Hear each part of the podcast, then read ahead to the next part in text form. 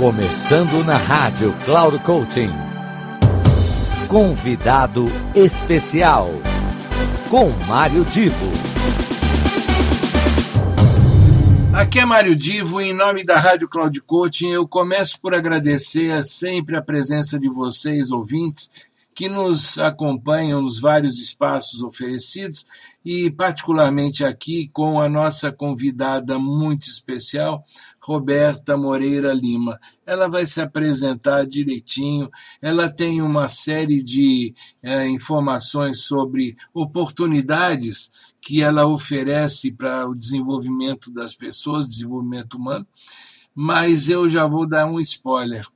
Você sabe o que, significa coerência cardíaca?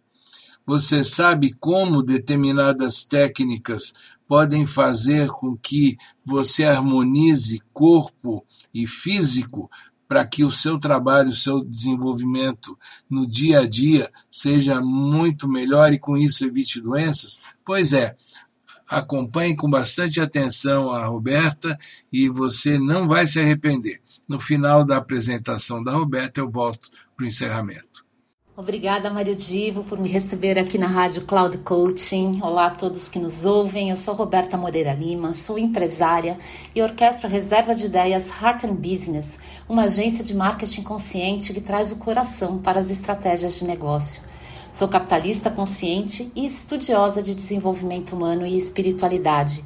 E sou instructora certificada Co-empreendo a Heart Brasil de cursos e treinamentos HeartMath e o BeHeart, startup saindo do forno que traz uma plataforma para treinamento em coherencia cardiaca Esse assumpto que venho hoje contar para vocês.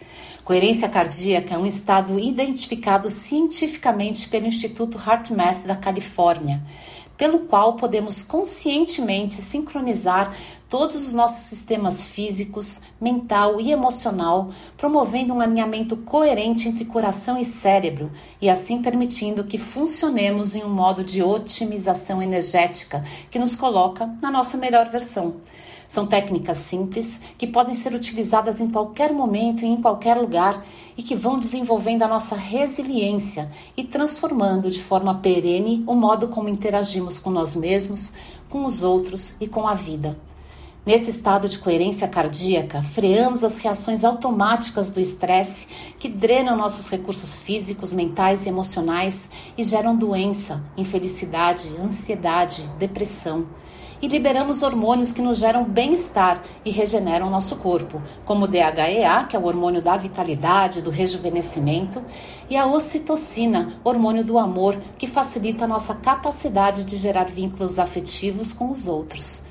Coerência cardiaca é uma competencia que podemos desenvolver e, com a prática, se torna o nosso modo natural de navegar pela vida. Em seis a nove semanas de prática em um universo de 12 pessoas, coerência reduz em até 56% e a depressão e 43% e a ansiedade. Coerência promove melhor foco, memoria raciocínio, melhor a qualidade das nossas relações, aumenta a creatividade e a intuição, aumenta a nossa vitalidade, bem-estar e performance, impactando positivamente em nossa saúde physica mental, emocional e social. Nossas relações passam a funcionar em um nivel de qualidade superior, mais compassivo e affectivo E pela ciência do Instituto HeartMath, também aprendemos que quando coherentes impactamos positivamente os ambientes e os outros. O estado de coherencia pode ser medido por apparelhos de biofeedback.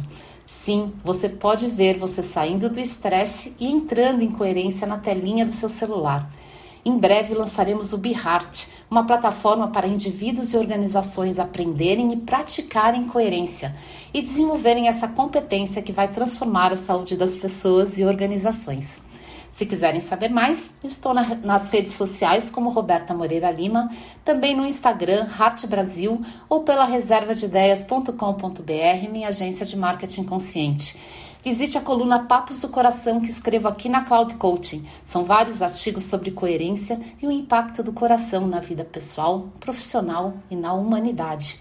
Um prazer esse momento coerente com cada um de vocês. Muito obrigada e até breve. Esta apresentação realmente foi muito, muito bacana, muito legal. E eu quero aqui dar um, uma sugestão para você Ah, é bem provável, é bem possível que você, ao ouvir a Roberta, tenha ficado com alguma dúvida, porque o tema que ela aborda é realmente bastante interessante, novo, desafiador. Eu quero sugerir que você acesse o site, ela indicou no áudio, mas eu vou repetir. Acesse o site reserva de idéias www.robertoalves.com.br e ali você vai ter muito mais detalhes de tudo isso que a Roberta falou.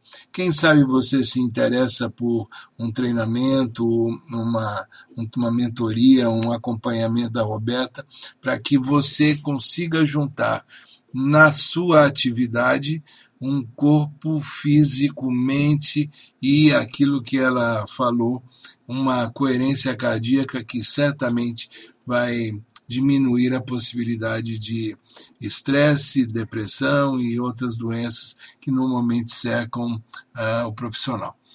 Um grande abraço para você e até a próxima semana com mais um convidado ou convidada muito especial.